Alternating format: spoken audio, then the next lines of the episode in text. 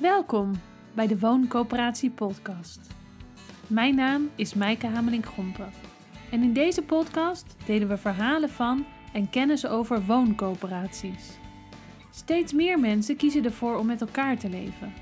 En Kooplink, het kennisplatform wooncoöperaties, ondersteunt beginnende en bestaande wooninitiatieven en ze adviseren onder meer beleidsmakers. We zien dat wooncoöperaties bijdragen aan een betere wereld. De mensen hebben oog voor elkaar, voor de buurt en voor de planeet.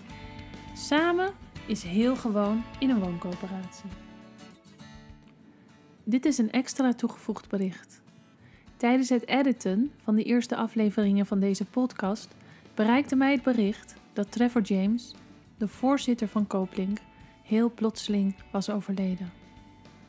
Je hoort Trevor dus wel in aflevering 1 en 2, maar helaas zijn dit meteen ook de laatste afleveringen waaraan hij heeft kunnen deelnemen.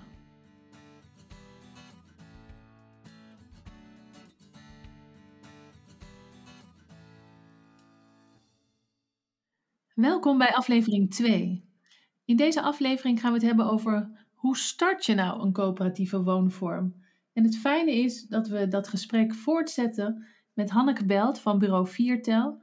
Zij doet een begeleiding van bewonersgroepen en initiatieven, maar ook is er bewoner van Iwan. En Christiane Kusters van Ecodorp Zuiderveld uit Nijmegen, die is ook bij ons. En we hebben ook vandaag nog Trevor James als de voorzitter van Kooplink.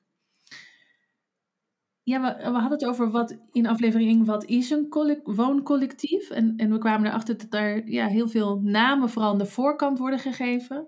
En dat de achterkant ehm, hoe je dat, de constructie, hoe je dat opzet, dat dat vooral ook voor beleidsmakers meer duidelijkheid geeft over, oh, oh het is dus zo'n manier van samenwonen of met elkaar wonen. Ehm, en ja, je, je, moet ergens starten. Dus we zijn vooral heel nieuwsgierig, hoe, hoe zijn jullie gestart? Christiane bijvoorbeeld voor Ecodorp Zuiderveld. Hoe, wanneer ben jij erbij gekomen? Hoe, hoe is die startfase voor jullie gegaan? Ja, um, nou, het Ecodorp Zuiderveld is het eerste project van de CVEG. En dat is de collectieve vereniging Ecodorpen Gelderland. En um, in 2015, 16 is uh, CVEG begonnen met een groepje enthousiastelingen, die je natuurlijk altijd nodig hebt om te beginnen. En um, zij, zijn, zij hebben een heel plan geschreven over hoe zij het voor zich zagen. En zijn daarmee naar verschillende gemeenten gegaan rondom Nijmegen. Om te kijken of er plek uh, was om dit idee te realiseren. Nou, eigenlijk iedereen vond het, fantastisch, uh, vond het een fantastisch plan met mooie intenties en doelen en wensen. Maar geen één uh, gemeente had ook daadwerkelijk plek of het lukte, dat lukte niet echt. En um, in 2017 uh, hield de WBVG, dat is de woningbouwvereniging Gelderland, die al 40 jaar uh, gemeenschappelijk wonen stimuleert, hield een pitchavond waar wooncoöperaties en initiatieven elkaar konden ontmoeten. Daar heeft CV, oh, ja, dat is echt een fantastisch initiatief geweest. Uh, wat voor Zuiderveld goed heeft uitgepakt, want ze hebben gepitcht en Thales, de woningbouwvereniging hier in Nijmegen, die, uh, die had een locatie uh, klaar eigenlijk. En zij waren geïnteresseerd om met CVEG aan de gang te gaan. En zo is het uiteindelijk het balletje gaan rollen. totdat ehm, in nou, mei 2021 iedereen hier woonde. Wauw. Ik hoor jou zeggen dat, er, uh, dat jullie het onder het hoedje van een groep doen. Dus van de uh, vereniging Ecodorpen Gelderland? Ja, de coöperatieve vereniging Ecodorpen Gelderland. Uh, en die was er eerst? Ja, die is het eerst en die heeft zich als doel gesteld zoveel mogelijk gemeenschappelijk woonprojecten in Gelderland te realiseren. Oké, en, en, daar is Zuiderveld uitgekomen? Ja, wij zijn het eerste project en we zijn, CVG is nu bezig met een project in Wageningen bijvoorbeeld. En zo hopen we ook financieel uh, te kunnen stimuleren als alle leden bijdragen, dan kun je ook weer een volgend project beginnen. Dan heb je daar ook middelen voor en kennis. Want Ah. wij hebben natuurlijk alles nu meegemaakt, we kunnen het weer doorgeven. Dus dat, Dus je kan je aansluiten bij de vereniging Ecodorpen Gelderland, Ja. zeg maar, om lid te worden. En, en het doel van die vereniging is om zoveel mogelijk wooncollectieven op te zetten in Gelderland. Ja. inderdaad, Ah. En al de kennis die er is, door te geven aan de nieuwe projecten en bij te staan. precies. Ja. Het voorwaarts kan rollen, dat we elkaar blijven helpen hierin. En ben jij, zeg maar, in welk stadium ben jij erbij gekomen of hoorde je ervan? Was er toen al Zuiderveld of heb jij Zuiderveld helpen bedenken, Ja. ontwikkelen? Ja, ik kwam even kijken toen volgens mij net voordat het tweede plan werd goedgekeurd. Net daarvoor ben ik erbij gekomen. En wie keurde het plan goed dan? Zeg maar, is dat extern of was het, heette het al Zuiderveld? Of, Nou, de werknaam was sowieso Zuiderveld, want het gebied hier eh, heet Zuiderveld. En eh, nou, voordat het eh, door gemeente werd goedgekeurd. oh Met, ja, met Thales, eh, met Trebbe, de, de aannemer. dus de fase in de ontwikkeling was dat er al een soort van een tweede versie van het plan kwam en toen ben jij erop aangesloten, zeg maar, Ja. of heb je je erop Ja, ingeschreven? het eerste plan was fantastisch. Dat was eigenlijk zonder budget gevraagd aan de architect ontwerp. Dus die heeft een prachtig plan gemaakt. Maar dat was eh, wel iets te, te prachtig, zeg maar. Dus dat, dat was gewoon niet realistisch. Maar van daaruit zijn we wel verder gaan dromen en kijken wat is echt belangrijk. Waar, waar kunnen we concessies doen? Waar kunnen we op een later moment nog meer van maken? Hè? Oh ja. En, en wat moet nu gewoon echt blijven staan? Dat, eh, dus dat is een prachtig droomtraject. Het klinkt me ook heel realistisch. Dat je echt met elkaar kijkt van oké, we vinden dit wel belangrijk. Maar wat je zegt, oh, dat zouden we later ook nog kunnen toepassen of kunnen toevoegen. Hé, hey, wat is nu echt de basis? Of wat kunnen we niet loslaten? Of wat willen we niet loslaten? eh, om het later ook verder uit te bouwen. Ja, het is ook denk ik dat heel belangrijk om te blijven kijken wat kan later. En dat, dat, Ja. dat je niet te star wordt in bepaalde eisen, maar altijd blijft zoeken naar de oplossing. Gewoon. Ja, meebewegen en de flexibiliteit. Ja, Hey Christiane, en eh, is het zo, nou ja, normaal gesproken schrijf je je in op een project. Dus je, je dropt je naam ergens en dan ga je zitten wachten tot er informatie komt. Ehm, ik kan me voorstellen dat bij een coöperatieve woonvorm dat je wellicht een rol pakt of een rol gevraagd wordt. Of hoe gaat dat? Ja, ja ik, ik, ik, ik eh, veel- vond dat heel mooi gaan allemaal. Want er was op een gegeven moment, hebben, is er wel al vrij vroeg besloten. eh, we gaan kijken naar de sociocratie, we gaan het sociocratisch aanpakken. En we gaan ook kringen vormen.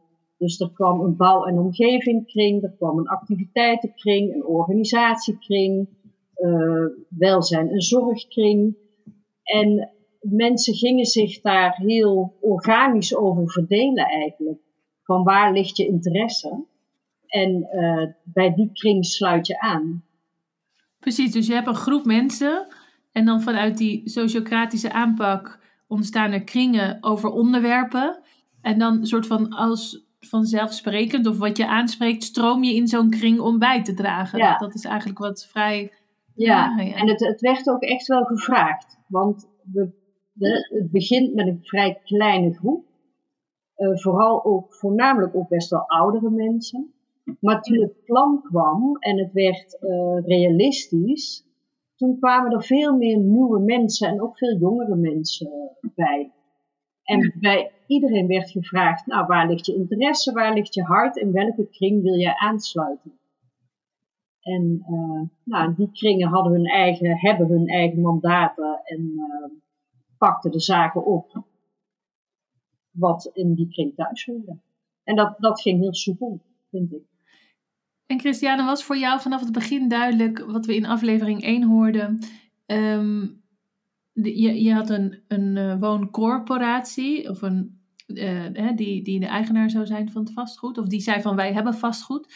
Was meteen duidelijk dat daar een vereniging tussen zou komen? Of huren jullie direct van de corporatie? Nee, wij hebben, wij hebben een eigen vereniging, een huurdersvereniging van Ecodoop Zuiderveld. En wij hebben een deel beheer bij het WBVG. Dus onze, Oh ja. onze huurdersvereniging eh, draagt af aan de WBVG. Had het voor jou uitgemaakt als die huurdersvereniging er niet tussen had gezeten? Eh, nee, ik, nee, ik had niet anders. eh, ik had het niet anders gedaan. Ehm, bedoel je, ik, ehm, het is goed zoals het is? Of als, het, als ik dus direct van de corporatie had gehuurd, was het ook oké geweest? Ja, had ik dat ook gedaan. Ja, precies. Dus je bent meer op het plan gestapt dan dat je bewust was van, oh, er moet wel een vereniging tussen of niet. Zeker, ja. ja. Ja, snap ik. Oké. Interessant. Nou, Hanneke, hoe. ehm, eh, jij, jij bent vroeg, hoorden we net in aflevering 1, jij, bent vroeg al eh, in woongroepen terechtgekomen of in leefgemeenschappen in vormen van collectief wonen, laat ik het zo zeggen. Ehm, kan jij uit jouw ervaring en misschien ook vanuit Ivan, kan je wat delen daarover? En wellicht heb je ook nog wat ehm, verhalen over de mensen die jullie helpen vanuit Bureau Viertel. ehm, over hoe te starten. Dus zeg maar de praktijkverhalen, hoe is het voor jou gegaan en jouw ervaring en wat adviseren jullie vaak eigenlijk aan mensen?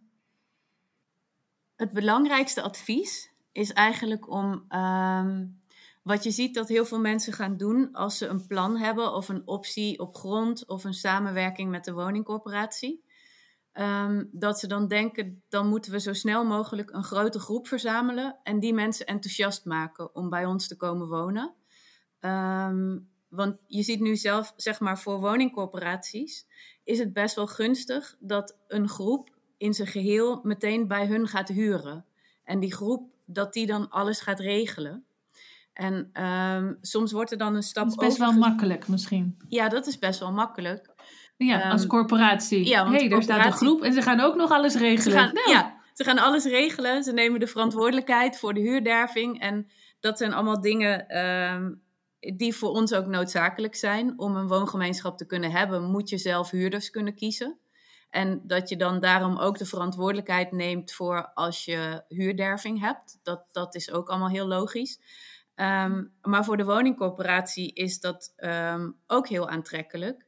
En soms zie je dat dat te snel gaat, zeg maar. Dat mensen dan ehm, mensen gaan verzamelen en zorgen van... oké, we kunnen dit invullen, zeg maar, dit plan. ja. Terwijl het echt belangrijk is om met een kleine groep te beginnen. Bijvoorbeeld met zes mensen. ehm, of vier, zes, zeven. En dan te kijken van, oké, we hebben een plan waar we het echt over eens zijn. Vanuit bepaalde waarden die we willen realiseren. Wij hebben bijvoorbeeld bij Iwan gekozen voor ehm, ecologisch, gemeenschappelijk en open en educatief. En ehm, dat zijn drie waarden die we hebben genomen. En van daaruit kijk je van, oké, hoe gaan we die waarden dan realiseren? Zeg maar, wat zijn de middelen? En we dachten van, oké, we willen eh, ecologisch zijn. En wij waren met dat kleine groepje fan van strobouw. En ehm, naast strobouw, dat is dan dus alleen het materiaal wat ecologisch is. En dan ga je ook kijken van, oké, hoe kunnen we het energieverhaal, het waterzuiveringsverhaal, hoe kunnen we dat ook ecologisch maken? Dus je begint met die waarden en dan kijk je, hoe werken we dat uit? En ehm, dat kun je allemaal met een klein groepje doen. En ook kijken van, oké, hoeveel mensen hebben we dan nodig om uiteindelijk bijvoorbeeld open en educatief te zijn? Wij hebben hier bijvoorbeeld een buurthuis in de tuin, wat mensen kunnen huren, waar we ook dingen organiseren. Ehm, daar moet je mensen voor hebben. Eh, dus we dachten wel, ja, we hebben minimaal 40 volwassenen nodig om dat een beetje goed te kunnen draaien. En als we dit, toen we dat hele plan rond hadden, gingen we ook echt met mensen praten van, willen jullie dit samen met ons realiseren? Wil je niet eigenlijk stiekem een hobbithuis in een weiland ehm, met heel veel ruimte eromheen? En daar hebben we echt mensen op bevraagd. Want het is behalve wonen en dat het heel leuk is, is het ook gewoon werk. Omdat je het in zelfbeheer gaat doen. En wat wij altijd tegen groepen vertellen is ook van wees heel realistisch wat je wil. En of je dat ook kan met die groep. En of de mensen die je vraagt dat ook daadwerkelijk daar tijd voor hebben, energie voor hebben. ehm, en overzicht kunnen houden. Want ehm, ja, soms zijn er mensen die willen een camping, een sauna, voor oude mensen zorgen, voor elkaars kinderen zorgen en elke avond samen eten. En dat is gewoon niet realistisch. Want je hebt ook nog je eigen leven en je moet ook zorgen dat je werk hebt. En ehm, ja, dus wat wij altijd met groepen. Dat is te veel, zeg maar. Dat zijn te veel, dat zijn te veel idealen daarin om echt met elkaar te kunnen behappen. Ja, dus wat wij met groepen altijd doen, is altijd eerst zorgen van: oké, waarover zijn jullie het eens? En hoe kun je dit realistisch uitvoeren? En ehm, ja, heel vaak zie je dan ook dat groepen weer afsplitsen in twee groepen bijvoorbeeld. Dan heb je die groep die wel per se die camping wil realiseren. En die groep die wel de zorg bijvoorbeeld heel belangrijk vindt. En dat zijn dan alweer twee groepen. Dus um, vaak. En kunnen die groepen dan, zeg maar, is dat, is dat een is dat lastig, twee groepen? Of is dat dan juist heel goed? Want de een gaat voor die camping en de ander gaat voor die zorgtak. En dan zit dat nog steeds op hetzelfde? Of krijg je dan eigenlijk, dat zou op een andere plek moeten? Ja, dat zou dan op een andere plek moeten. Dat is dan meestal... Um, ja, dit klinkt nu ineens als heel... Het klinkt een beetje abstract misschien. Maar het is gewoon belangrijk voor groepen om echt realistisch te blijven. En niet te proberen iedereen bij zich te houden maar te kijken van oké, wat kunnen wij echt samen? En ehm, mensen vinden altijd wel weer andere groepen waar ze uh, mee verder kunnen. Want het is een soort, ja, ik zie het eigenlijk als een beweging dat we zeg maar vanuit onderop deze dingen kunnen realiseren. Dat we betaalbare woningen kunnen hebben en dat we maatschappelijke idealen kunnen neerzetten. Zoals zorg voor elkaar, zoals zeggen van oh, we gaan, deze, we gaan hier een camping maken of een voedselbos. Maar een voedselbos alleen al is genoeg eigenlijk voor een groep om dat te realiseren. En mensen gaan vaak zeggen, we willen dit en dit en dit en dat. En ehm, dan moet je die droomfase op een gegeven moment achter je laten en zeggen, oké, wat gaat deze groep doen? Oké, want dat bijvoorbeeld ehm, in mijn persoonlijke situatie zijn wij op zoek naar land waar we dus een voedselbos kunnen starten. Uh, maar ik kan mezelf zo voorstellen, dat is dus die beginners uh, um, bleuheid of uh, spirit. Dat je denkt van nou, wij zijn voornamelijk van het voedselbos. En uh, er zijn andere mensen die daar weer, die misschien dat zorgstuk op een andere manier invullen. Het lijkt mij bijvoorbeeld prachtig dat een soort van zorgboerderij light noem ik het altijd. Want hey, uh, hoeveel mensen gaan er niet overspannen, burn-out en dat soort dingen. Dat je letterlijk dus weer in het voedselbos kan aarden. Dan noemen ze dat opeens een zorgtak. Maar eigenlijk ja, iedereen komt met zorg in aanraking in mijn beleving. En zeker op dat punt. Um, dat je dus je weg weer kan vinden door te aarden, letterlijk in een voedselbos, door daar een besteding te hebben en jezelf te herijken um, met wat, hoe jouw pad zich dan mag vervolgen. Maar daarvan zeg jij dus eigenlijk, um, ga maar je richten op dat voedselbos en laat dat, dat zorgstuk dan maar zitten. Of zeg je van, oh nee, dat zou die familie of die dat gezin of die mensen uit dat huis zouden heel goed daar verantwoordelijk voor kunnen zijn. Ja, wat eigenlijk um, het idee is, is dat je dan eerst, je moet eerst een voedselbos hebben voordat je die mensen kunt uitnodigen om naar jouw voedselbos te komen. Dus eerst goed kijken van oké, hoe kunnen wij die taken realiseren, zeg maar? Hoe kunnen we zorgen voor een voedselbos? En dan niet al drie gezinnen aannemen die zeggen wij zorgen graag voor mensen. Want dan zitten die mensen er al. En dan heb je nog helemaal niet je voedselbos. Um, ja, dus dat je gewoon echt praktisch bent. Snap je? Dat je, okay. dat je een manier hebt om überhaupt dat voedselbos te realiseren. En dan weet van in de toekomst willen we daar mensen gaan uitnodigen.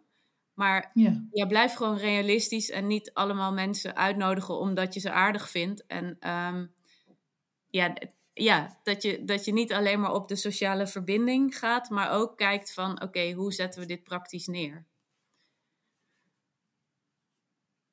Heb je daar iets aan hoe ik het zo zeg? ja, en, en wat bij mij, ik schrijf even mee. Ja, ja. Uh, niet alleen op de sociale verbinding, zeg maar, want dat kan ik ook heel goed, uh, want, me heel goed voorstellen. Want het zijn allemaal hele leuke mensen die bezig gaan met collectief wonen en zo. Dus de sociale verbinding komt heel vaak uh, heel goed tot stand. En dan is het ja, daar hoef je geen zorgen over te maken. Ja, daar hoef je niet zo heel veel zorgen over te maken. Maar, en om te kijken van het praktische deel, hoe kunnen we dat echt realiseren? En wat kunnen we echt voor elkaar krijgen? En wat zijn gewoon nog dromen, zeg maar? Ja, precies. Dus wat, is de, wat zijn de eerste stappen? En ja. wat, wat is in het dromencloud, zeg maar, wat, ja. wat is nog weer verder visie, maar niet waar we nu mee beginnen? Ja, dus ik pleit er niet voor om je idealen los te laten van we willen mensen uitnodigen in ons voedselbos. Maar nee. uh, om het überhaupt voor elkaar te krijgen. Um, Richt je aandacht daarop. Ja, richt je aandacht eerst op wat je eerst nodig hebt om, ja. Precies. En helpt dat dan ook bij de, eh, bij de, bij de beleidsmakers? Want dat die anders ook soort van lostraken in al die andere dingen die je ook zou willen? Ja. Dat je... Daar komt het ook vandaan, van richt je, richt je op één, zodat je de juiste mensen Nee, bij dat- elkaar krijgt, wat je zegt? het komt eigenlijk, waar het vandaan komt, is dat als je zelf organisatie gaat doen en zelfbeheer, je moet ineens weten van, het is niet meer je baan, je hebt geen manager, wij moeten dit samen doen, zeg maar. Niemand is de baas. Dus dan moet je heel realistisch met elkaar gaan kijken van, oké, welke, welke vaardigheden hebben we nodig om dit te kunnen doen? Hoeveel tijd hebben we eigenlijk? Eh, wat voor verplichtingen leg- leggen we elkaar op? Ehm, om dat echt goed neer te zetten, want je moet het zelf gaan doen. Het is zelfbeheer, zelforganisatie. En dan sta je ook, zeg maar, als groep sta je sterk. En als de ene beleidsmaker niet met je in zee wil, dan ga je naar de volgende. Want jouw plan is goed, zeg maar. Eh, je gaat niet bij een woon- woningcorporatie zitten leuren van willen jullie ons alsjeblieft helpen of begeleiden of wat ook. Het is gewoon, ons plan is goed. Wij hebben daarover nagedacht, wij werken daaraan. Eh, wij worden een steeds betere groep, zeg maar, om dingen te kunnen Ja. doen. En De Ja. vraag is met wie matcht het? met wie matcht het, ja. ja. Dus dat je niet gaat zitten eh, leuren met jezelf, maar zorg dat jouw groep gewoon dat kan. staat. Ja, Precies. dat het Want staat. Het is alleen nog een kwestie van wie, wie, wie is de match in dat opzicht. Ja, wie is de match, zeg maar. Kom niet met je chaos aan dromen bij de gemeente, zeg maar. Ja, oké. Ja. Ah. Eh, Christiane, jij wilde ook iets zeggen Ja, of iets toevoegen daaraan? ja ik denk ehm, bij Zuiderveld, eh we hebben veel woningen, 46 woningen. Er wonen hier 60 volwassenen en 30 kindjes, kinderen. Ehm, wij zijn eh, begonnen eigenlijk net voordat de hele lockdown eh, in, in beeld kwam. Dus op een gegeven moment zijn wij ook veel via Zoom gaan werken, ook met het werven van nieuwe bewoners. En uiteindelijk is dit een, een, eh, een heel gemêleerd gezelschap geworden met heel veel verschillende mensen. En dat heeft zeker ook eh, zijn voordelen als je elkaar stimuleert. Ja, Want er zijn hier mensen die bijvoorbeeld het ecologische heel hoog hebben zitten. En anderen die eh, de sociale verbinding heel hoog hebben zitten. En het kan ook een hele mooie wisselwerking geven, juist als je heel verschillend erin staat. En, en, en eh, tenminste, dat is wat ik merk. Als we de verschillen gebruiken om te groeien. En, en niet eh, naar voren laten komen om tegen te werken, zeg maar. Dus het kan juist ook heel mooi aanvullend zijn, denk ik, als er een minder strakke visie is. Of, de, de, Ah, dan is er meer ruimte nog. ja, het heeft zijn voor- en nadelen. Het is heel fijn, denk ik, als je met als je eenzelfde doel nastreeft. En ik denk dat iedereen hier onze voetafdruk op de aarde wil verkleinen. Dat is een overkoepelend. Overkoepelend, precies. Ja, alleen er zijn mensen die wat minder hebben met sociale verbinding, maar wel andere hele mooie kwaliteiten hebben. En dat is misschien soms wat chaotischer, kan ik me voorstellen, als je zo een gemeenschap begint. Maar zeker zo interessant. En, en dat is ook, ik denk ook namelijk dat we veel meer van dit soort gemeenschappen kunnen vormen dat eh, veel meer woningbouwverenigingen dit kunnen aangaan. Want het werkt namelijk. Mogen durven, zeg maar, om Ja. dat te doen. Ja, Ja. En Hanneke? Ja, want ik ben het met je eens, Christiane, dat je zeker ehm, verschillende insteken en verschillende vaardigheden van de mensen nodig hebt. Dat, dat zei ik misschien niet helemaal duidelijk, want, maar het is natuurlijk heb je niet alleen maar technische mensen nodig of alleen maar eh, verbinders of eh, alleen maar organisatoren. Je hebt, je hebt alles nodig. Je hebt ook iemand nodig die let op, eh, op de afwas, bij wijze van spreken. Gewoon alles, ja. Het plaatje mag compleet zijn om Ja. te zorgen dat iedereen zijn werk goed kan doen. Of eigenlijk Ja. wat hij meebrengt kan inbrengen. Ja, precies. Ja. En dat is dan weer op een ander niveau dan op het visieniveau van wat wil je met deze groep neerzetten. Ja, precies. Dat is een soort van de uitwerking daar weer van, of als je daadwerkelijk die visie gaat realiseren. Ja, ja. Ah ja. En hoe is dat bij Iwan gegaan, uh, Hanneke? Wat, wat bedoel je? Nou, zeg maar, hoe zijn jullie bij. Dit is wat je natuurlijk veel met mensen bespreekt. Maar toen ging je opeens zelf kwam je in een nieuwe coöperatieve woonvorm. Of besloot je van hé, hey, vanuit dit groepje willen wij een, een andere coöperatieve woonvorm opzetten. Of we zijn in een andere fase in ons leven. En, of we zien deze ontwikkeling, dus daar willen we iets aan doen. Kan je vertellen hoe dat bij Iwan is gegaan? Ehm, ja. ja, wij woonden dus. Wij woonden samen in een woongroep in de Refter. En en, en wij bedoel je zeg maar dat groepje mensen met wie je... De kerngroep van Iwan woonde al samen in de rechter. In de refter. Met refter, sorry, ja, refter. Ja, ja. Um, ja, wij woonden daar al samen en uh, we waren allemaal uh, afgestudeerd en we woonden al een hele tijd daar. En toen um, we waren allemaal heel veel bezig met ecologisch bouwen en wonen. Um, wat de mogelijkheden daarvoor zouden zijn. En uh, toen in 2008 was dat ongeveer Ehm, toen waren die Earthships, die aardehuizen, waren, uh, kwamen ineens onder de aandacht van Mike Reynolds. Oh, die daar in de woestijn dingen bouwde met autobanden. En um, dat je dan een huis... Mike Reynolds, zeg je? Ja, Mike Reynolds. Die ging in de woestijn huizen bouwen met, um, met autobanden. En met dan precies uh, de ramen zo op het, op het zuiden. En daar kon je dan uh, planten achter laten groeien. En dan kon je een beetje je eigen voedsel verbouwen en je eigen water zuiveren aan de achterkant. En dat zag er fantastisch uit. En toen um, kwam het eerste Earthship in Zwolle, gingen ze dat bouwen. En zo, daar gingen we eigenlijk uh, naar kijken. En toen kwamen we ook uit op strobouw. En um, toen gingen we in Duitsland kijken bij Siebenlinden. Daar hebben ze een heel groot uh, ecodorp met allemaal strobalen huizen. En daar gingen ze ons vertellen van iedereen kan leren stro bouwen. Dat is helemaal niet moeilijk. je doet gewoon die strobalen in een muur en dan leer je leemstukken en dan werk je dat af, zeg maar. En daar werden we eigenlijk toen door gegrepen van, oké, dus je kan zo makkelijk met strobalen. dan heb je veel minder materiaal nodig om je huis te isoleren. Je hebt alleen maar die strobaal nodig en dan um, afdekking. En um, ja, dus toen eigenlijk gingen we in de richting van over stro nadenken en over het opzetten van een nieuw collectief. Um, ergens in Arnhem of Nijmegen. En we wilden heel graag met de sociale woningbouw samenwerken, met, met Thalys.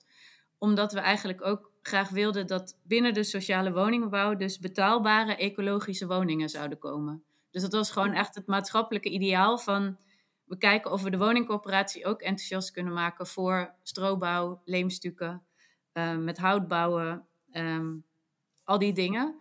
En um, doordat je bijvoorbeeld ook zelf die installaties hebt, als zonnepanelen, waterzuivering, warmtepompen, daarmee breng je ook de kosten van de woningen omlaag, omdat je vaste lasten lager worden op die manier. Als je van het gas afgaat, als je zelf je water zuivert. dus dat hele plaatje, dat wilden we graag binnen de sociale woningbouw hebben. En ook de WBVG, die heeft ons vanaf het begin uh, um, geholpen. En die werden kan je nog even die, die afkorting zeggen waar het voor staat? Ja, Woningbouwvereniging Gelderland. Oh, de Woningbouwvereniging Gelderland, oké. En die zijn zeg maar gespecialiseerd in collectieve panden. En dat komt voort uit de kraakbeweging in de jaren tachtig. En um, ja, nu is dat meer. Nu hebben die ook nieuwbouwprojecten, zoals van Christiane Zuiderveld en van Ivan en allemaal meer projecten hier.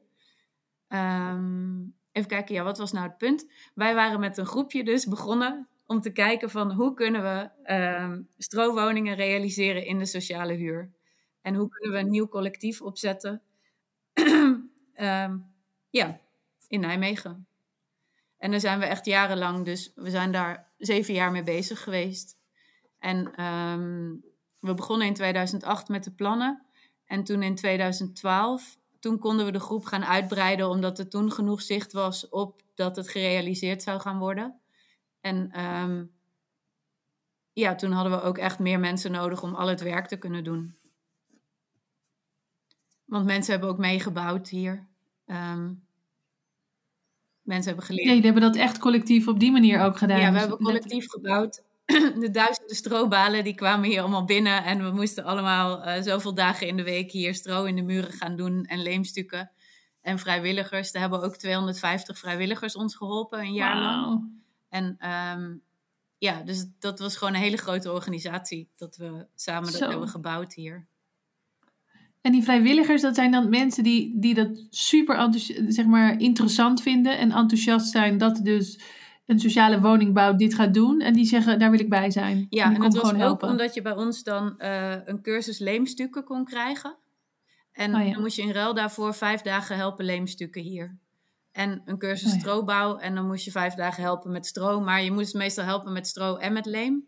Maar heel veel mensen Dus wilden... dat was een in- uitwisseling daarmee. Ja, het is Ja. een uitwisseling van kennis en van eh, ja, dat ze konden oefenen. En ehm, ja, dat was echt heel leuk. En ook mensen die hun eigen strobalenhuis al hadden gebouwd en die het gewoon een beetje misten. Die zoiets hadden Oh, van, ja. ik wil weer, weer even met strobalen sjouwen.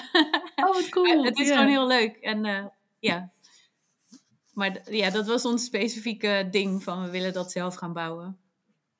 En jullie waren met een, een klein groepje van 2008 tot 2012. Ja, En toen, zeg maar, wisten jullie dat het er, eh, dat het er ging komen. Of in ieder geval, dat, het zag er heel goed uit. ja. Ehm, en hoeveel mensen hebben jullie dan toen erbij gelaten? Of hoe, hoe groot kon jullie groep zijn? We hebben er toen eh 30 mensen eh bijgevraagd. We hadden, een, ehm, we hadden natuurlijk al die tijd al wel gewoon tegen mensen om ons heen gezegd van we zijn hiermee bezig. En ehm, toen hadden we eerst al een paar mensen die al hadden gezegd van ik heb wel tijd om te helpen en ik wil dat heel graag doen. Die hadden we er al bij gevraagd. Toen gingen we een informatiedag organiseren en toen hadden we binnen een week 140 aanmeldingen. Dus het was heel duidelijk dat er ontzettend veel vraag eh, naar was. En eh, toen hebben we een aanmeldingenstop gedaan, omdat we dachten, ja, we hebben maar 24 woningen. Dus dat is een beetje ehm, gek om dan zoveel mensen, ehm, steeds meer mensen te laten komen. En toen hebben we een informatiedag gehouden over wat we van plan waren. Ehm, ja, wat de waarden waren die we wilden realiseren, hoe we ons gingen organiseren, hoeveel vierkante meter iedereen kon krijgen. Niet zoveel. En eh, hoe hoog de huur dan was en eh, waar het zou komen. En toen konden mensen zich aan de hand daarvan opgeven als ze echt nog mee wilden doen.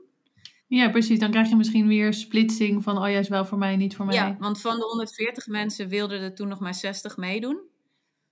Met die 60 mensen hebben we allemaal gesprekken gevoerd. En daar hebben we 30 mensen uitgekozen om dan mee te doen met, ehm, met het hele project. En andere mensen hebben we nog eh, in de geïnteresseerde map eh, laten staan. Die hadden bijvoorbeeld op dat moment dan geen tijd. Of... En er waren ook een aantal mensen die eigenlijk gewoon iets anders wilden dan wij. Daar hebben we echt heel goed gesprek op gevoerd. Van, ben je echt enthousiast over hetzelfde? Eh, Oh ja. ja, dus zo Dus hebben dat is eigenlijk ook een heel proces. In hoe start je die coöperatieve vorm. Dat, Ja. dat je op het punt komt van, ben je geïnteresseerd in hetzelfde? Ja, en dat is echt, daar is echt een goed gesprek voor nodig. En ehm, dus je moet eigenlijk, of je moet, je moet niks, maar eh, wat dan belangrijk is, is om niet te erg te denken van, oh jee, willen mensen wel met ons meedoen? Het is echt belangrijk om te kijken van, zijn we echt enthousiast over ons plan? Zien we mogelijkheden om dat te realiseren? En dan zul je heus niet het enige groepje zijn wat dat plan leuk vindt. Want dan is het gewoon een goed plan en dan vind je daar wel genoeg mensen voor.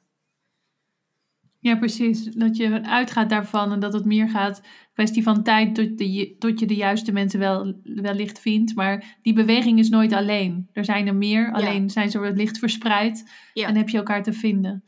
En ehm, Hanneke, is het bij jullie, want zoals je dat nu vertelt, vraag ik me dan af ehm, eh, dat jullie heel erg dus de sociale woningbouw, eh, betaalbare eco-woningen wilden realiseren. Dus dat die component. Maar nu staat het er, is het dan klaar? Zeg maar, wat, wat, wat is jullie, is, zakt jullie woongemeenschap nu in elkaar? Of omdat je dat dus met z'n allen zo hebt gedaan, zeg maar, was jullie visie tot daar? Of was die verder overstijgend? Of, Nee, onze visie was dus ehm, ecologisch en duurzaam, dat was één onderdeel. En het volgende onderdeel was gemeenschappelijk. Ehm, en open en educatief. Dus dat zijn dingen die we nog steeds samen realiseren, zeg maar. Dat we gemeenschappelijk wonen, dat we hier samen eh, zorg dragen voor het geheel. En dat we ook ehm, met elkaar ja, leuke dingen organiseren. En dat we open zijn naar buiten toe. En um, wij hebben nu pas nog een pijler toegevoegd in onze visie. En ehm, dat is de pijler solidair. Dat we dus kijken dat we meer kunnen doen met opvang van, van vluchtelingen bijvoorbeeld. En uh, dat we meer kunnen doen met andere collectieven ondersteunen. Uh, qua bijvoorbeeld soms heeft een, een, project dan geld nodig of een lening nodig. En dan kunnen, zouden wij kunnen dan hun weer iets ergens mee helpen. Ik bedoel, wij hebben geen kapitalen, maar we kunnen wel um, wat mooi. helpen met ondersteuning. Dus daarom hebben we Solidair nu als pijler erbij genomen. Um, en door dat gesprek kwamen we er ook achter dat bijna iedereen die bij ons woont heel erg maatschappelijk betrokken is, zeg maar. En, en graag um, ook wil bijdragen aan maatschappelijke veranderingen. En ja, dus dat zijn dan weer dingen die ons opnieuw weer met elkaar verbinden eigenlijk. Precies, dus zeg maar, er is eerst heel erg gefocust op de realisatie van, van de strohuizen, betaalbare eco-woningen. Ja. In een uh, sociale woningbouwsituatie of in een, zo'n verhouding.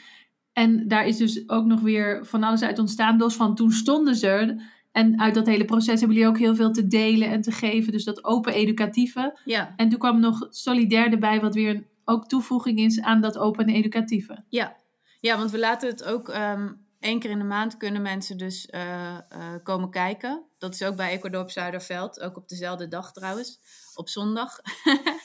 en ja. de eerste zondag van de maand. Um, dan laten we het sowieso aan mensen zien en dan, en dan vertellen we over betaalbaar wonen. En um, ja, we willen ook gewoon een beetje mensen opstoken om te zeggen van wij gaan dat ook doen. En wij willen ook betaalbare woningen en een goede buurt en uh, dat soort dingen. Ja, het latente activisme in mensen wakker maken, ja, ja, zoals ik dat, dat, zo voorbij heb gehoord komen bij Kooplink. Ja, dat, uh, ja, dat is ook wat we bij Iwan uh, um, telkens weer proberen te doen. Um, ja. Precies, want met elkaar maak je die verandering. En het zit in veel mensen, maar soms ja, mag je dat aanbakken of het vuurtje ontsteken eigenlijk. Ja, want met elkaar heb je gewoon heel snel veel meer. Je hebt met elkaar veel meer energie, je hebt met elkaar veel meer tijd, je hebt met elkaar binnen de kortste keren veel meer geld ook. Um, dat, dat zijn gewoon dingen omdat je alles bij elkaar optelt. Vind ik hele, die schrijf ik even mee. Ja. En ik zal ook het linkje zeggen, met elkaar heb je veel meer, veel meer tijd, veel meer energie. Die realisatie vind ik ja, echt... veel meer geld, veel meer vaardigheden. Um, ja. ja. En, maar dan moet je dus wel realistisch in blijven. Dat mensen niet hun hele leven eraan kunnen wijden, maar wel een deel daarvan. En dat je dan in dat deel al dus alles opstapelt. En dat is een beetje wat ik vanuit mezelf heel erg herken. Dat, um, zeg maar, ik kom uit de wereld waarin je in dat soort van mooie grote huis woont, wat daarin belangrijk is of een belangrijke veiligheid is, waardoor je allebei heel hard moet werken om daar te kunnen wonen. Mm -hmm. En waardoor er dus eigenlijk geen ruimte is om die energie, tijd, geld en vaardigheden te delen met anderen. Want die, die heb je die, aan te wenden om voor jezelf daar iets mee te doen. Zeg maar, dat is wat wij in de nieuwbouwwijk vlakbij Amsterdam ervaarden. De kapitalistische valkuil. ja. Ja, waar we een zeg maar, streep doorgezet hebben van oké, okay, als ik dan leerde van tussen 7 en 14 kijken kinderen de liefde voor het leven van je af. hey, hoe kunnen ze dat hier in deze nieuwbouwwijk, waar de mensen niet zijn omdat ze zo hard moeten werken om dit te kunnen behouden of dit te kunnen continueren? Ja. Of willen we dus betaalbaarder wonen en ons wonen op een andere manier regelen, zodat we meer kunnen bijdragen, onze energie, tijd en geld anders kunnen verdelen aan de zaken die wij belangrijk vinden. Ja. En dan gaat volgens mij je land en je plek ook echt anders bewegen. Ja. Ja, en dat is, ja, en dat is volgens mij de beweging van collectief wonen. En ja, en het is niet alleen maar, gaat het dan om wonen? Sommige mensen realiseren het met uh, uh, moestuinen of met uh, organisaties waar ze bij zitten. Maar ja, dat is in zijn geheel dan de beweging van onderop om het zelf te doen. Niet omdat het je baan is, maar gewoon om dat collectief neer te zetten. Ja, en dus doordat je anders woont, krijg je ruimte voor om dat je tijd ook anders te besteden. Ja, ja. Ah. Hey Trevor, en um, uh, hoe zeg maar, is jullie uh, tiplijstje of, of wat is met jouw ervaring? Hoe ga je nou starten? Want daarin zei ook, wat ik nog even daarbij wil meegeven, is dat uh, Eva van de Stroom, de wooncorporatie in Amsterdam. Die zei van, ja, nou ja, het starten met een groepje en in gesprek gaan voor een woondroom. Ja, dat is eigenlijk best wel vrij simpel. Dus zeg maar, dat, dat dromen met elkaar, nou, dat is het moeilijke niet. Volgens mij krijg je te maken met zulke onmogelijkheden bij politiek en financiering. En dat het echte starten van een coöperatieve vorm vooral een politiek en financieel verhaal is. Deel jij haar mening daarin of, of hoe zie jij dat bij alle groepen die, die jullie die voorbij komen, die jullie kennen? Ik denk dat het, uh, daar is zeker waar dat je hebt te maken met een, een politiek en een uh, financieringsverhaal. maar ik denk dat je als groep, als je wil beginnen, moet je beginnen bij jezelf. En eigenlijk wat, uh, wat Hanneke zei, wat wij zien bij groepen is, mensen komen samen omdat ze een bepaalde waarde delen. En dat is heel belangrijk. Dus dat droomfase van um, uh, wat willen wij met, met elkaar, wat willen we betekenen voor elkaar, voor de wereld, uh, voor onze omgeving, dat is heel belangrijk. Um, en wat ik zie vaak is dat groepen um, die visie eruit komt, of die droom, niet dusdanig formuleren dat ze een helder verhaal hebben naar andere partijen toe. Dus uh, wij doen af en toe een maatwerksessie. Ja, dan, dan vraagt de groep, ja, we hebben gekeken naar de kennisbank, we hebben meer gedaan aan kennisdeelsessies. Maar wij tobben. Dan kun je met ons even, even, even, um, even sparen. En vaak zijn het groepen die eigenlijk heel veel ambities hebben, misschien te veel. En ook steeds kijken van om zich heen van ja, als wij bijvoorbeeld met de woningcoöperatie wil werken, wat zouden we dan voor hun moeten doen? Als wij oh uh, een eigen locatie willen, wat moeten we dan doen? Terwijl wij adviseren van, nou, eerst, ook, ook eerst die droomfase, vervolgens tracten. Dus uh, in de droom komt van alles op.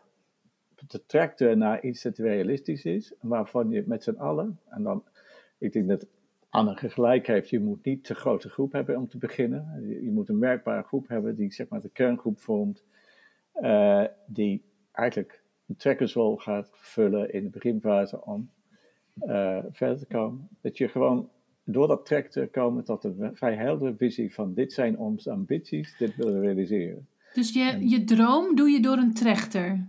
Ja.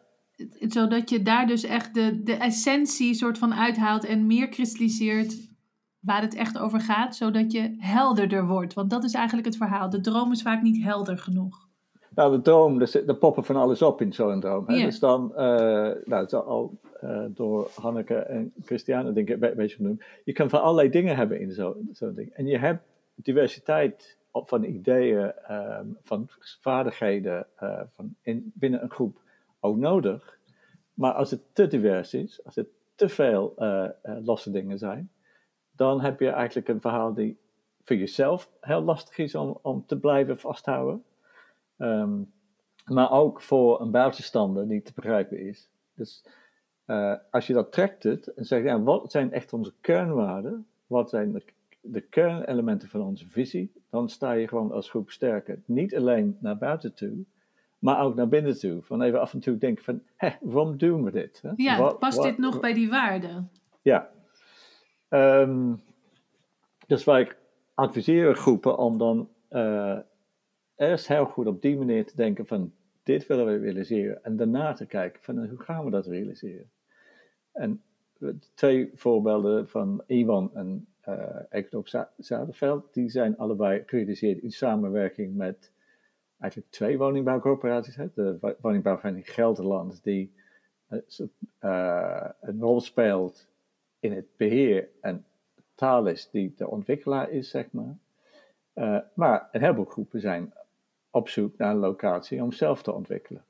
En dan komt dat verhaal van politieke aan, aan de orde. Want wil je betaalbaar wonen, realiseren, dan kan je niet de prijs betalen van, uh, van een stuk grond dat een projectontwikkelaar betaalt om dure koopwoningen neer te zetten. Dus je hebt een soort maatschappelijke grondwaarde nodig voor de locatie. Nou, dat is de politiek van hoe ga je uh, gemeenten, als ze grond hebben, uh, overtuigen dat zij niet de hoog, hoogste bieden moeten bedienen, maar juist een wooncoöperatie die maatschappelijk gezien veel meer waarde heeft op allerlei fronten.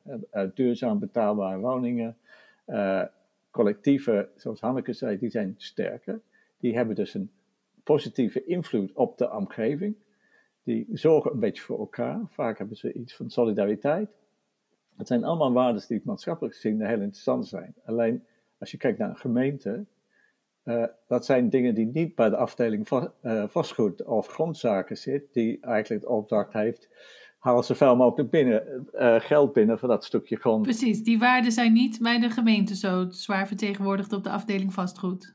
Nee, dus je nee. moet kijken of ook uh, onder wethouders, zeg maar, die uh, wethouder wonen, de wethouder misschien welzijn, die ook achter je staat om te zeggen, van, nou, dit is een initiatief die voor ons als gemeente een motivatie is om, om binnen te, te, faciliteren. En dat betekent dat we ook niet de hoofdprijs krijgen voor ons oudschool of ons stuk bouwgrond, maar wel als we kijken naar de maatschappelijke meerwaarde, veel, uh, veel aan hebben. En, en Trevor, wat je zei, je zei, als je, we zien nu veel groepen die een locatie zelf willen ontwikkelen. Ja. Um, maar um, hoe, hoe, bedoel je dat? Is dat dan dat mensen op Funda kijken naar een plek en dat op die manier willen ontwikkelen? Of wat is zelf ontwikkelen? Nou, vanaf ontwikkelen is dat je vormt een, een vereniging of een, een wooncorporatie, zeg maar. Ja. En je zegt, nou, wij gaan, um, kijk, een heleboel van die, die wooncorporaties worden gevormd door mensen die niet uh, in aanmerking kunnen komen voor een sociale huurwoning, ja. omdat zij qua inkomen te hoog zitten. Oké, okay, ja. Uh, maar ze kunnen ook niet de hoofdprijs betalen. Nee. Er zijn vaak mensen die wel een waan hebben, maar niet dus dat geldt dat ze in, op de koopmarkt iets kunnen kopen, ja. uh, in de dure huurmarkt iets kunnen. En ook uh, vaak heel bewust kiezen, bijvoorbeeld om niet uh, 100% te werken, maar deeltijd te werken, omdat ze zorgdagen opnemen of omdat ze actief Ja. zijn binnen het gemeenschap. Dus ze hebben betaalbaar, um, betaalbaarheid is heel belangrijk voor ze. En dan, uh, zeg, je kan ook zelf ontwikkelen. Dat betekent dat de vereniging van de bewoners of de coöperatie van bewoners uh, gaat als ontwikkelaar de woningen realiseren en vervolgens als bewonersvereniging dat bewonen. Um, dat is gelijk lastig in Nederland op dit moment, omdat uh, als je in een sociale huurwoning wil wonen, dan hebben de woningcorporaties een systeem die maakt dat woningcorporaties geld goedkoop kunnen lenen. Dat heet, ze, ze staan garantie voor elkaar, zeg maar. Als je als individu een koopwoning wil, dan kan je hypotheekaftrek krijgen. En als je onder een bepaald bedrag koopt, kan je nationale hypotheekgarantie krijgen. Dus als je individueel koopt, kan je iets willen. Als je collectief, als vereniging koopt, dan moet je geld lenen op de markt. Dus het is duur geld lenen om het te realiseren. En je krijgt niet hypotheek, uh, uh, renteaftrek, geen nationale hypotheekgarantie.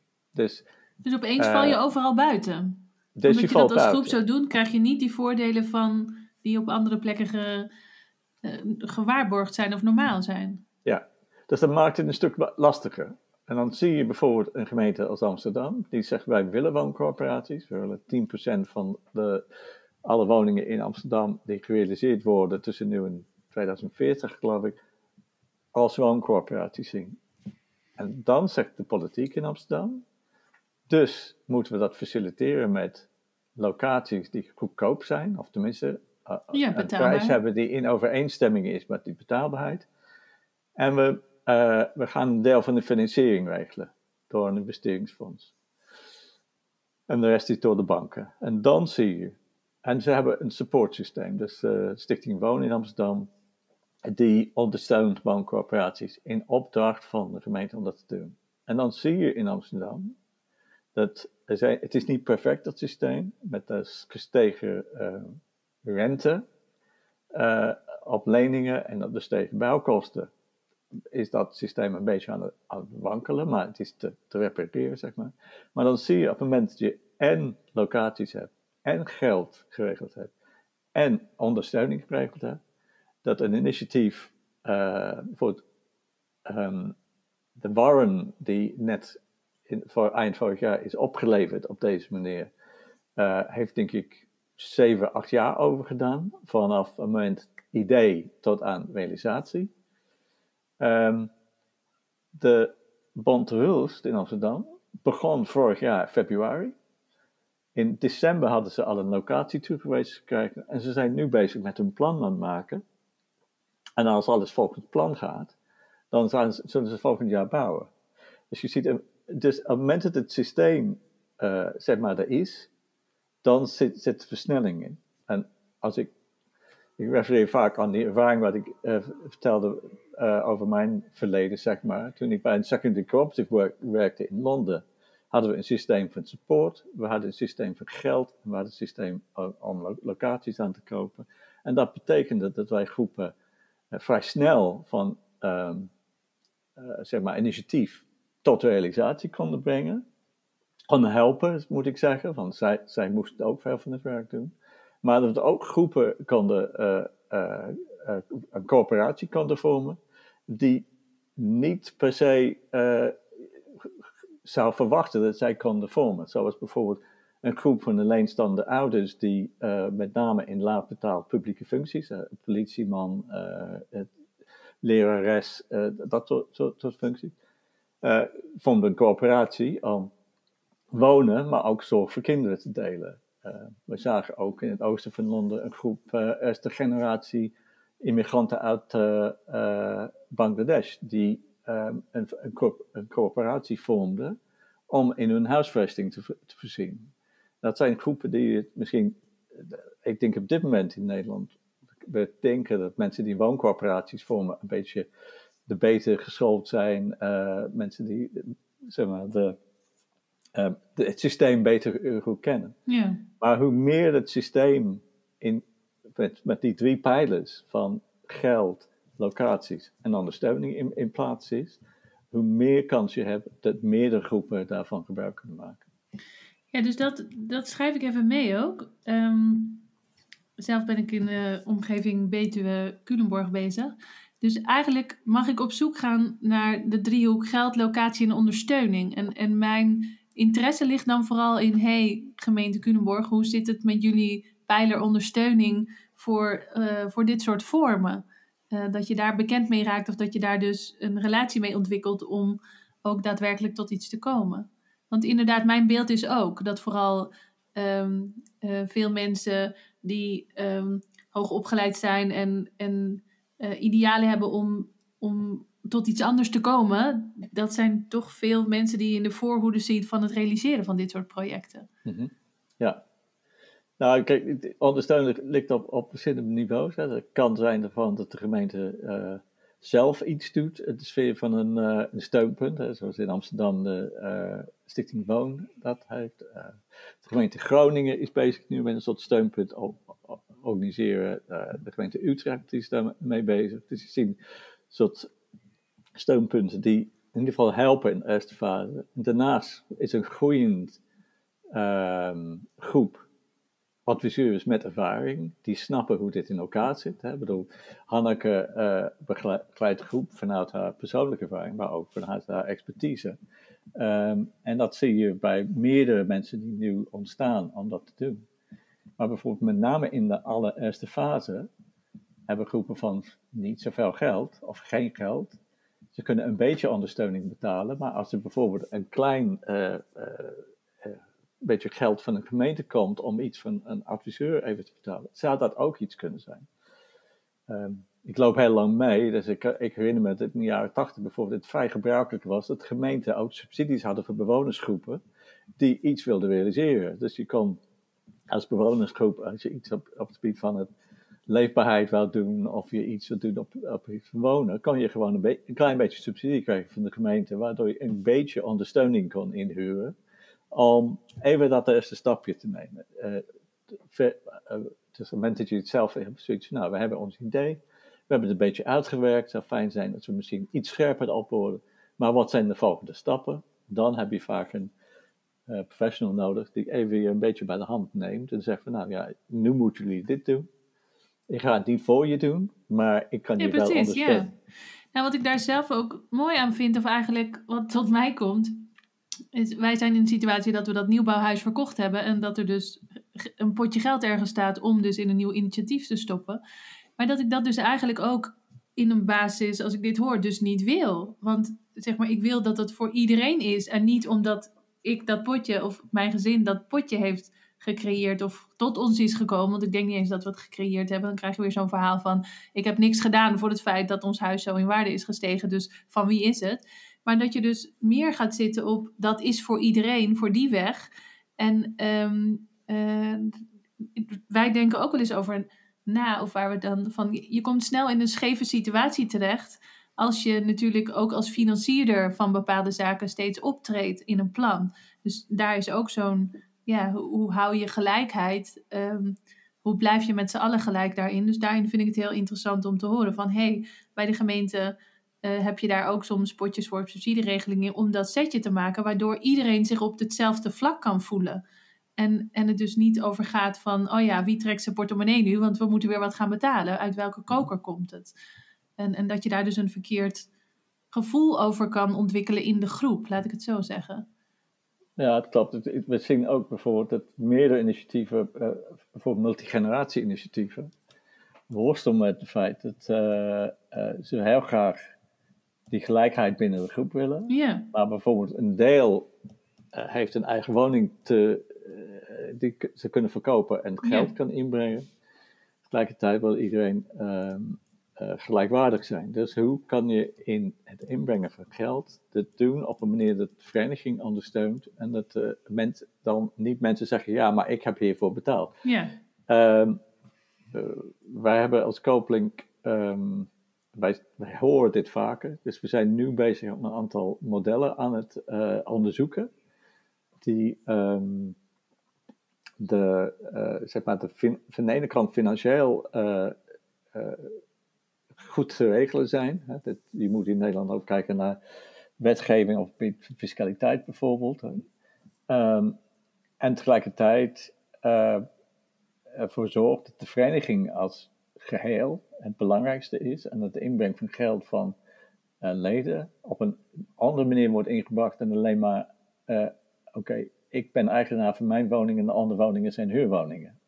Of ik, heb een grote zeggenschap. Nou, dat zijn een paar modellen in binnen- en buitenland en die zijn we nu aan het uh, uh, doorlichten om, wat, te, om te kijken hoe je het beste gebruik kan maken van het geld dat misschien mensen wel degelijk in de vereniging willen inbrengen, maar op een manier dat niet de, de verenigingsstructuur ondermijnt, zeg maar. Ja, precies. Dat is gewoon een soort van als externe financierstuk gezien wordt. En toevallig, zeg maar, komt het ook uit de groep, maar is dat verder vrij daarvan. Dus het groepsproces ja. wordt daar niet per se door. Um, uh, en, en Hanneke, is dat ook iets wat je, zeg maar, je had het ook heel erg over die kerngroep. Um, uh, speelt dat in zo'n kerngroep? Of ga je als kerngroep snel, zeg maar, kijk je daarnaar? Of overkomt je dat? Um, zeg maar, zijn dat, zijn dat gesprekken van hoe, wie er financieel bij zit? Of is het belangrijk dat dat hetzelfde is? Of krijg je mensen die snel meer betalen of niet? Of ga je juist als groep zeggen van... hé, hey, dit is allemaal gelijk, dus we gaan wel die subsidie vragen, want... Of wil je in de snelheid, laat je dat dan? Um, nou, wij hadden eigenlijk... In het begin hadden we een rondje gedaan dat iedereen zei hoeveel geld die had, zeg maar. En hoeveel die verdiende. Dus toen, ja, het is heel uh, open ja. en kwetsbaar wellicht. Ja, maar toen kwamen we erachter dat, dat we dus qua hypotheek nooit erg ver zouden komen, zeg maar. Hoewel sommigen misschien meer geld ergens vandaan zouden kunnen halen. En uh, toen hebben we ook een gesprek gehad over dat van... kan je als groep een hypotheek afsluiten? En dat was toen met de hypotheekrenteaftrek en zo echt... Nou ja, dat was gewoon niet gunstig. En um, we kwamen dus al snel tot de conclusie van... nee, we moeten ons op de sociale huur gaan richten... want dat kopen, dat, dat wordt ons ding niet. En uh, vanaf toen was het dus ook zo van... iedereen ging een beetje contributie betalen... En uh, daarmee verzamelden we, we geld. Want iedereen betaalde dan... Nou ja, wij betaalden dus allemaal evenveel contributie. Misschien kan je daar iets mee... Uh, Van de kerngroep? Ja. Dus ja, we begonnen dus vanaf... vanuit die kerngroep? ja, vanaf dat we bij elkaar kwamen, gingen we allemaal elke maand. Ja, het was toen helemaal niet zoveel. Uh, nee, we gingen nee, maar ik vind het wel een heel goed punt. allemaal zeg maar, 6 dat je... euro overmaken per maand. Maar dat hadden we dus in het begin helemaal niet nodig. Maar op een gegeven moment heb je dan wel ehm, een gezamenlijk. We hadden al dus een gezamenlijke rekening van. Oké, we verzamelen geld en toen kregen we meer leden en die gingen ook allemaal betalen. En als je dan bijvoorbeeld mensen hebt van buiten de stad die meedoen, dan kan je ehm, reiskosten ehm, terugbetalen en je kan op een gegeven moment iemand inhuren. En, maar we gingen dus wel CPO-subsidie aanvragen. En het dus niet met eigen geld verder doen. Ja, dit ga ik ook even opschrijven. CPO-subsidie. Ja. Met een linkje erbij. Als in, je kan het allemaal terugvinden straks onder in de comments. ja, is van de provincie ehm, een regeling. Oké. Van de provincie. Maar Trevor zal Ja, wel weten hoe het er nu precies voor staat. Misschien met de... Ja, ik denk dat... er- Ehm, per, per provincie is dat verschillend. Dus je moet per provincie kijken of ze dat regeling, eh, of die regeling eh, hebben. Of, eh, want vaak zijn dat soort regelingen zijn een aantal jaar wel geldig. En dan volgens mij eh, worden ze weer afgeschaft. nou ja. Ehm, Nou, dan zitten we nu weer in een goed moment. Dat we net weer alle stoelen gewisseld. Ja, maar ehm, we, we zien wel ook een beweging dat eh, meerdere gemeenten en provincies CPO in zijn, zeg maar, het simpelste vorm eh, minder gaan stimuleren. Dat heeft alles te maken met het feit dat CPO met een ontwikkelaarcollectief, waardoor ze zeg maar, iets goedkoper eh, vaak de woningen realiseren en meer naar hun smaak. Maar na oplevering, zeker als het gaat om gezinswoningen, is iedereen eigenaar van de eigen woning. En vaak, eh, als iemand vrij snel verkoopt, daar zit een flinke winstmarge daar. Ja, Dus eh, een aantal gemeenten ehm, en provincies, merken wij, komen een beetje terug van de, de CPO waar er niet iets extra's aan zit. geregeld is met die uitwerking daarvan. Ja, ja, Snap ja tot, bij collectiviteit of ehm, eh, dat ook een ambitie is om in het beheer iets te doen, dat soort zaken. ja. Hey Christiane, en zeg maar omdat jullie onder dat hoedje van Gelderland vallen, of tenminste iets overbruggender, kan je iets vertellen over hoe dat bij jullie, hebben jullie ook een contributie betaald in het begin, of zeg maar hoe is die, ehm, heeft, heeft die- dat collectief, zeg maar, de Ecodorpen Gelderland, hebben die geregeld dat er bepaalde subsidies waren waardoor jullie dingen konden doen? Ja, nou wij zijn, eh, zodra je lid wordt, ga je inderdaad een contributie betalen. Dat is 12 euro per maand. En ehm, vanuit eh, de organisatiekring van CVEG is er echt actief gezocht naar subsidies. Van gemeenten, van banken, van nou ja, lokale eh, bedrijven die nog subsidies wilden geven. En eh, daar is echt actief naar gezocht. Bijvoorbeeld ook voor eh, de inrichting van het gemeenschappelijke huis. Daar kan je dan wat, nou, best flinke bijdrage voor krijgen. Dus daar, is, ja, daar zijn mensen druk mee geweest. En er is echt wel wat eh, bij elkaar eh, gehaald. Opgehaald. Kijk, en nu hebben we, hebben we zoveel leden, dus daar komt best een prima bedrag binnen, wat we weer kunnen inzetten voor bijvoorbeeld een haalbaarheidsonderzoek in Wageningen. Dus dan En haalbaarheidsonderzoek in? in, in Wageningen, het volgende project. Oh, bij het volgende project, ja precies. ja. Dus omdat de groep zo groot wordt en iedereen betaalt per maand een bepaald bedrag, kan je dus nu zelf financieren zo'n haalbaarheidsonderzoek in Wageningen, wat het volgende project is Ja. van het Gelderland collectief, zeg maar. Oh ja. Ja, ik geloof dat je elkaar zo voorwaarts helpt. Ja, dat geloof ik ook. Dat, dit is in ieder geval voor mij een soort van nieuw stuk waar ik helemaal nog niet aan gedacht had, maar wat... ehm, Ja, als je Ja. ieder een, een klein bedrag inlegt, in welke vorm dan ook, in welke groep dan ook, dan heb je uiteindelijk wel weer een bedrag samen. Ja, dat is dat samen is meer. En dat heb ik Trevor al vaker horen zeggen. Maar Hanneke gaf daar nu ook zo'n mooie invulling aan. eh, door te zeggen, als je samen heb je meer geld, energie, tijd, vaardigheden. Door al die kleine stukjes is het bij elkaar gewoon meer. En doordat je dat natuurlijk gaat doen, dan moet ik ook weer denken aan ja, dat heet dan eh, in, in de persoonlijke ontwikkelingsdingen, geloof ik, de million dollar mindset. Maar als je dus die potjes allemaal aandacht geeft, dus het potje contributie, gewoon dat bedragje maar steeds blijft gaan, op een gegeven moment is dat een behoorlijke berg. Ja, ja, precies. En zonder dat je het doorhebt, is dat een continue stroom waar wel gewoon iets uitkomt en die dus gevoed wordt. Ja, ja en straks dan, stel dat het volgende project staat weer en we gaan door naar het volgende. Dan heb je alweer zoveel leden die bijdragen. En dan kan je weer naar het volgende project en naar het volgende. Nou ja, zo zou het mooi zijn als het zich uitbreidt. Als het voortgaat. Ja. Dus als ik het mag samenvatten, ehm, hoe start je? Dan wat, wat ik er zelf uit meeneem, is dus eigenlijk in een kleine groep. Dat je best wel lang in een kerngroep blijft. Of dat je die kerngroep formuleert. Of dat je met die kerngroep tot waardes komt. Vanuit je dromen. Haal je dromen door de trechter. En dat daar hele echt essentiële waarden, de essentie van de dromen terugkomen in die waarden. En dat je daar dus op verder gaat.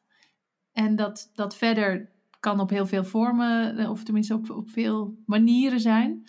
Ehm, maar dat verder ook betekent uh, dat je later wellicht, als je verder bent in het proces en verder bent met de gemeentes en verder met uh, subsidies of verder met dingen die toegestaan zijn, dat je dan veel energie stopt ook in het selecteren van de mensen die echt bij die waarden passen. Um, en dat je dus een soort van toekomstperspectief hebt van wat zou daarna nog allemaal kunnen. Dat is ook mooi. Maar in het begin van de realisatie van dat het er überhaupt komt, dat je vrij strak mag zijn. Dit is waar het nu over gaat. En is dit waar je nu aan mee wil doen, nu aan bij wil dragen? Wil je daar nu iets voor inbrengen, zeg maar? Past dat nu? Want over twintig jaar heeft het, hè, als je open educatie hebt, kan dat alle kanten op vanuit die waarden. Maar nu ziet dat er zo uit. En is dat waar je aan mee kan doen en kan je daar kwaliteiten bij inbrengen. Zijn er nog meer dingen dat je zegt, hé, hey, dit is ook, dan zou ik dit nog aanstippen, als je dit nu zo zegt, zou ik dit er nog bij willen aanstippen als je gaat beginnen? Um, het, is, het is goed samengevat. Um, er is vast nog iets wat, uh, wat nu zoiets is wat wij dan heel logisch vinden, wat dan niet, uh, nu, niet gezegd nu naar boven komt. Um, dat probeer ik nu te bedenken.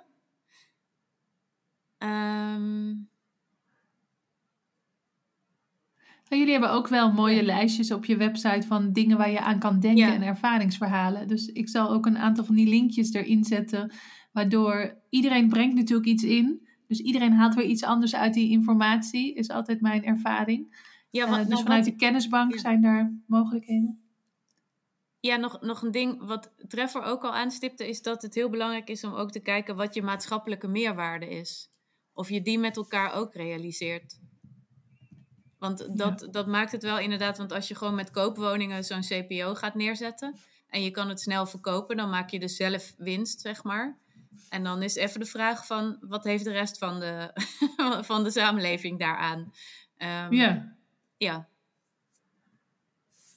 De maatschappelijke meerwaarde, dat je die ook heel helder hebt.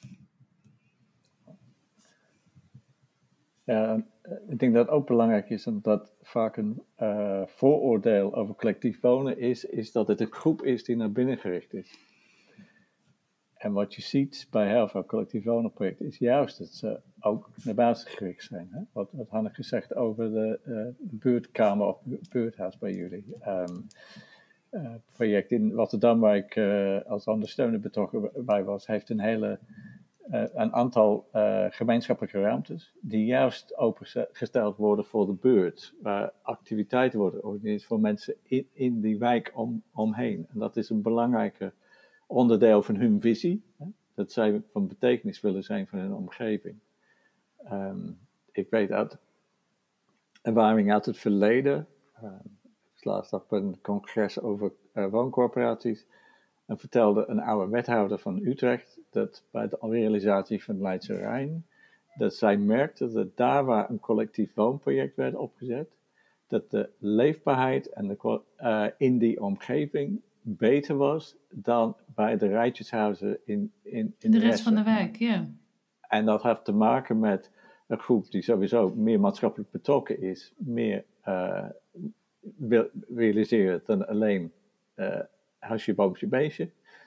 Maar ook als groep ben je sterker. Dus als groep, als iemand bij je uh, overlast gaat veroorzaken, dan ga je met drie, drie mensen erop af en die zegt van, hé, hey, dit, uh, dit vinden we niet goed. Je mag hier rustig voetballen, jongens, maar je mag hier niet kliederen of uh, lawaai maken of dat soort dingen. Terwijl als individu wonend in die rijtjeshuis, denk je van, oeh, die jongens zijn eng, daar ga je niet naartoe. Dus, um, dus dat is een, echt een, een, meerwaarde, een maatschappelijke meerwaarde. En het is belangrijk, zeker in de uh, beginfase, om dat ook met elkaar in je ambities mee te nemen, maar ook nadrukkelijk uit te dragen. En daardoor win je sympathie bij, een, bij de politiek, bij een woningbouwcorporatie, als je met een woningbouwcorporatie wil werken. En bestrijd je het vooroordeel van het zijn groepen die in, zeg maar... Alleen met elkaar bezig zijn. Ja. Ah, dus dat leeft ook nog, zeg maar. Dat, het is zo'n groepje die alleen met elkaar is, zeg maar, dat het op die manier naar binnen.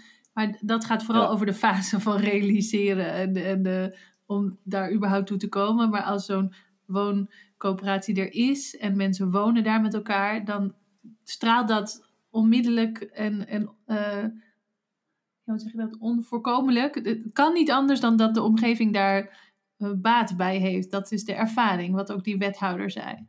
Dus de, de buurt. Uh, Oké. Okay. Want ik kan me ook voorstellen dat het best lastig is, of, of in, in ons geval van, van nieuw zijn om dat te doen, dat je niet per se zicht hebt op wat het effect daarvan is. En het is natuurlijk ook soms hoe dat, als het zo is, gaat werken, maar wat je niet vooraf kan zien wat het effect daarvan is. Dus daarmee is misschien ook zijn die, die bezoeken interessant, Hanneke en Christiane. Als je dus bij jullie op bezoek kan gaan, dat je gewoon kan horen en kan beseffen: oh, dit is dus ook wat onze groep teweeg kan gaan brengen of het effect wat er kan zijn. Ja, en, en ook voor wat de groep naar buiten, maar ook de zelfontwikkeling uh, gaat gewoon in, door. Ik denk dat juist door in een groep te leven, je continu op, een fijne of soms minder prettige manier wordt uitgedaagd om jezelf te blijven uh, analyseren, bekijken. En ik vraag me heel vaak af, wat doet dit met me? Wat wil ik hiermee? Hoe ga ik hiermee om? Wat kan ik hierin betekenen? Dus ik denk ook dat het uh, een groep vraagt ook aan individuen een continue ontwikkeling. Als je zo uh, samenleeft. En dat maakt, denk ik, een ieder toch gewoon weer telkens een leuke mens. Een, een, een verbeterde versie van jezelf. Ja. Yeah. Continu hiermee uh, hierin te je hierin te wentelen, zeg maar. Ja. Oh, wat mooi. Nou, dat is toch ook wat je iedereen wenst. Een continue verbetering van, zich, van ja. zichzelf en daar de wereld mee verrijken. Ja. Prachtig. Ja. Dank jullie wel voor deze uh, ja, enorm waardevolle inzichten en, en veel rijkheid aan informatie over hoe start je een coöperatieve woonvorm. En we verwelkomen jullie heel graag uh, in aflevering 3. Dankjewel voor het luisteren naar deze aflevering van de Wooncoöperatie Podcast. Fijn dat je erbij was. In de toelichting bij deze aflevering vind je linkjes naar meer informatie. En op de website www.kooplink.nl vind je een kennisbank en je kunt hen al je vragen stellen over het opzetten en organiseren van een wooncoöperatie. We hebben de intentie om elke maand een nieuwe aflevering voor je te publiceren. Door je te abonneren op deze podcast ontvang je automatisch een berichtje als dat zover is. Klik in je podcast-app op de button subscribe of abonneren. Heel fijn als je deze podcast zou willen doorsturen naar anderen en als je een review achterlaat. Want met jouw hulp kan deze podcast meer mensen bereiken die een wooncoöperatie willen opzetten. Namens alle startende wooninitiatieven in Nederland, dank je wel voor deze bijdrage en heel graag tot een volgende aflevering.